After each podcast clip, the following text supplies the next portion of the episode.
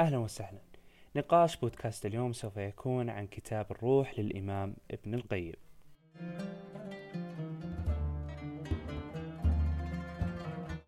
إن قضية الروح كانت من القضايا التي أثارت الإنسان منذ نشأته فكان الإنسان دوما شغوفا بما يجهل. فحين سأل نفسه عن ماهية الأرض راح ودرس الجغرافيا وحين أراد معرفة الماضي راح ودرس التاريخ. أما الروح فهي علم مجهول على هذا الكائن البسيط الذي دعاه فضوله الزائد أن يزداد بحثا عن الروح وماهيتها. وفي حلقة سويعات الأصيل اليوم حاولنا أن نجاوب على أغلب الأسئلة الشائعة بين الناس عن الروح بمساعدة أحد أهم الكتب التي تحدثت عن هذا الموضوع وهو كتاب الروح لابن القيم. الكتاب تشعب بشكل كبير جدا في هذه المسألة الشائكة على العالم. وجاوب فيه على عدد كبير من الأسئلة ورد فيه على العديد من الشبهات حول كل موضوع حتى أن في بعض الأجزاء وصلت الأدلة والردود والشواهد إلى مئة رد. وهذا الأمر يصعب أن أقوله كاملا في هذه الحلقة بل يحتاج الأمر لسلسلة تتحدث حول الأدلة والشبهات فقط مما جعلني أختار مسائل محددة من الكتاب وهي التي يكثر التساؤل فيها بين الناس وتحتاج لدليل واحد ولذلك جمعت مسائل مختارة من الكتاب لتقديمها لكم. ومن أراد أن يستزيد فأنصحه بشدة أن يقرأ الكتاب. المسائل جمعتها بنفس التسلسل المذكور بالكتاب وذلك للمحافظة على النسق ولكي لا أقدم معلومة إلا وسبق توضيحها بجزء قد سبقها.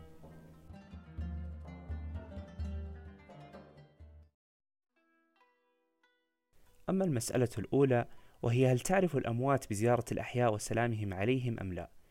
فقال يوسف بن عبد الله النمري ثبت عن النبي صلى الله عليه وسلم أنه قال: ما من مسلم يمر على قبر أخيه كان يعرفه في الدنيا فيسلم عليه إلا رد الله عليه روحه حتى يرد عليه السلام، فهذا نص فيه أنه يعرفه بعينه ويرد عليه السلام. وقد شرع النبي صلى الله عليه وسلم لأمته إذا سلموا على أهل القبور أن يقولوا السلام عليكم دار قوم مؤمنين وهذا خطاب لمن يسمع ويعقل. ولولا ذلك لكان هذا الخطاب بمنزلة خطاب المعدوم والجماد. أما مسألة هل يلتقي الحي بالميت فقد ورد عنها في البداية للتوضيح أن الرؤيا هي على ثلاثة أنواع والرؤيا الصحيحة أقسام منها إلهام يلقيه الله سبحانه وتعالى في قلب العبد وهو كلام يكلم به الرب عبده في المنام كما قال عبادة بن الصامت وغيرهم. ومنها مثل يضربه له ملك الرؤيا الموكل بها. هذا دليل على أن التقاء الحي بالميت يمكن. وهناك قصص وردت على هذا الموضوع حيث أنه قال أبو محمد ويذكر عن الفضل بن الموفق أنه قال كنت آتي قبر أبي المرة بعد المرة فأكثر من ذلك فشهدت يوما جنازة في المقبرة التي دفن فيها فتعجلت بحاجتي ولم آته. فلما كان من الليل رأيته في المنام فقال لي يا بني لم لم تأتني؟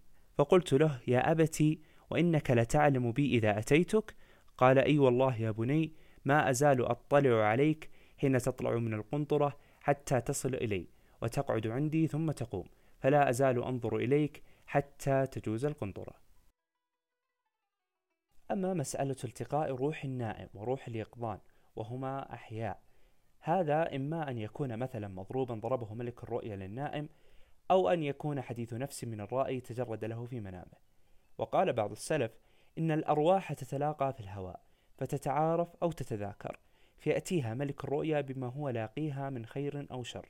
وقد وكل الله بالرؤيا الصادقة ملكا علمه وألهمه معرفة كل نفس بعينها واسمها ومتقلبها في دينها ودنياها. أما السؤال الشائك الذي كان سبب اختلاف واتفاق لعدد كبير من العلماء حوله فكان أين مستقر الأرواح ما بين الموت إلى يوم القيامة؟ هل هي في السماء أم في الأرض؟ وهل هي في الجنة أم في النار؟ وهل تودع في أجساد غير أجسادها التي كانت فيها فتتنعم وتعذب فيها أم تكون مجردة؟ ولأنها مسألة عظيمة وكثر فيها الخلاف فكثر الرد فيها في الكتاب. حاولت أن أجمع أكثر الأقوال التي عليها اتفاق أو تشابه. فكان القول الأول هو أن أرواح المؤمنين عند الله في الجنة. أما قول الصحابة والتابعين أرواح المؤمنين عند الله عز وجل لم يزيدوا على ذلك. أما مالك قال بلغني أن الروح مرسلة تذهب حيث شاءت. أما سلمان الفارسي رضي الله عنه فقال قولا مشابها لمالك إلا أن هناك اختلاف. فمالك قال أن الروح عامة تذهب حيث تشاء. أما سلمان الفارسي فوضع الأرواح في مواضعها. قال أن أرواح المؤمنين في برزخ من الأرض تذهب حيث شاءت وأرواح الكفار في سجين. ولكثرة الأقوال الموجودة فصل ابن القيم فصل أسماء القول الراجح في مستقر الأرواح. وقال فيه أن الأرواح متفاوتة في مستقرها في البرزخ. للتوضيح البرزخ هو مرحلة ما بعد الموت إلى يوم القيامة. تلك تسمى حياة البرزخ وهي حياة ما بعد الموت. قال أن هناك أرواح في عليين وهي أرواح الأنبياء وأرواح في حواسر الطير وهي أرواح الشهداء. بعضهم لا كلهم وهو من يكون محبوسا على باب الجنة وهناك من يكون محبوسا في قبره. والعديد من الأماكن التي سيكون فيها الأرواح في مرحلة البرزخ. لا يوجد قول فصل عن كل الأرواح ولكن هناك أقوال لكل روح ولكل ما فعلت في الدنيا مكان تستقر فيه. أما مسألة هل الروح قديمة أم محدثة مخلوقة؟ فقال بعضهم الأرواح كلها مخلوقة وهذا مذهب أهل الجماعة والأثر. واحتجوا بقول النبي صلى الله عليه وسلم الأرواح جنود مجندة فما تعارف منها ائتلف وما تناكر منها اختلف. والجنود المجندة لا تكون إلا مخلوقة. وقال شيخ الإسلام ابن تيمية روح الآدمي مخلوقة مبتدعة باتفاق سلف الأمة. أما المسألة التالية فهي مسألة خلافية أيضا وقال فيها أنها مسألة ضربت أقوالهم فيها وكثر خطأهم. وهي ما هي حقيقة النفس؟ هل هي جزء من أجزاء البدن أو عرض من أعراضه؟ بمعنى مثل اللون والطول والرائحة. أو جسم مساكن له مودع فيه أو جوهر مجرد والجوهر هي ما يقوم بنفسه. وهل هي الروح أو غيرها؟ وهل النفس الأمارة واللوامة والمطمئنة نفس واحدة لها هذه الصفات أم هي ثلاثة أنفس مختلفة؟ أيضا الأقوال في هذه المسألة كثرت وجميع الفصل الموجود فيه أدلة كثيرة جدا عن هذا الموضوع.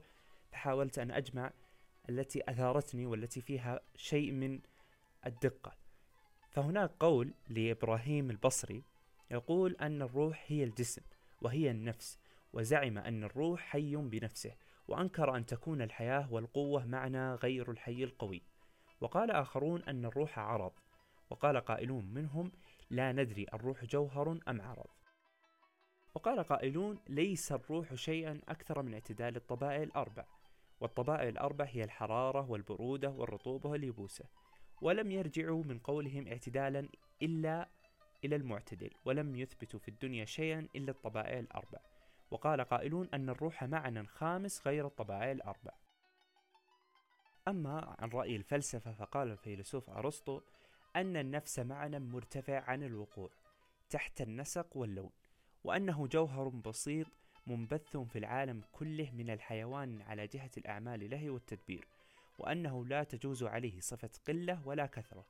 قال وهي على ما وصفت من انبساطها في هذا العالم غير منقسمة الذات والبنية وأنها في كل حيوان العالم بمعنى واحد لا غير. وهناك من قال أن النفس والروح اسمان مترادفان لمعنى واحد ومعناهما واحد. وكحال أي العلماء اختلفوا في ما هي هذا الشيء. فقسم قال أن الروح والنفس بما أنهم بمعنى واحد لنقل أنه الروح قالوا أنه جسم.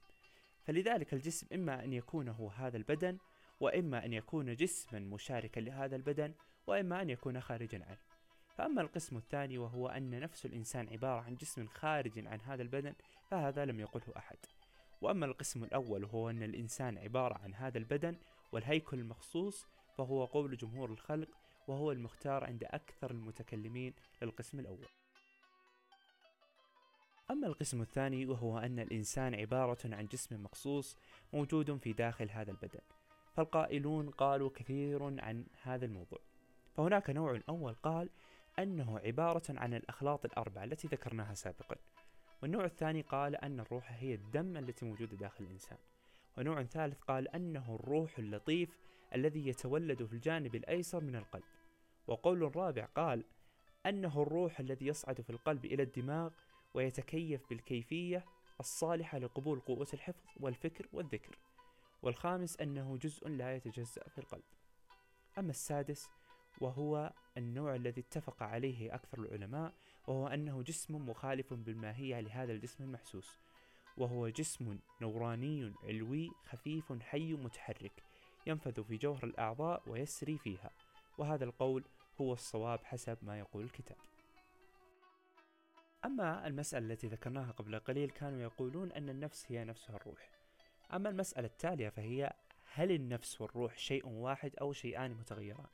فاختلف الناس في ذلك. فمن قال أن مسماهما واحد وهم الجمهور. وهناك من قال الروح ليست هي النفس وأنها غير عنها. فقال مقاتل بن سليمان للإنسان حياة وروح ونفس.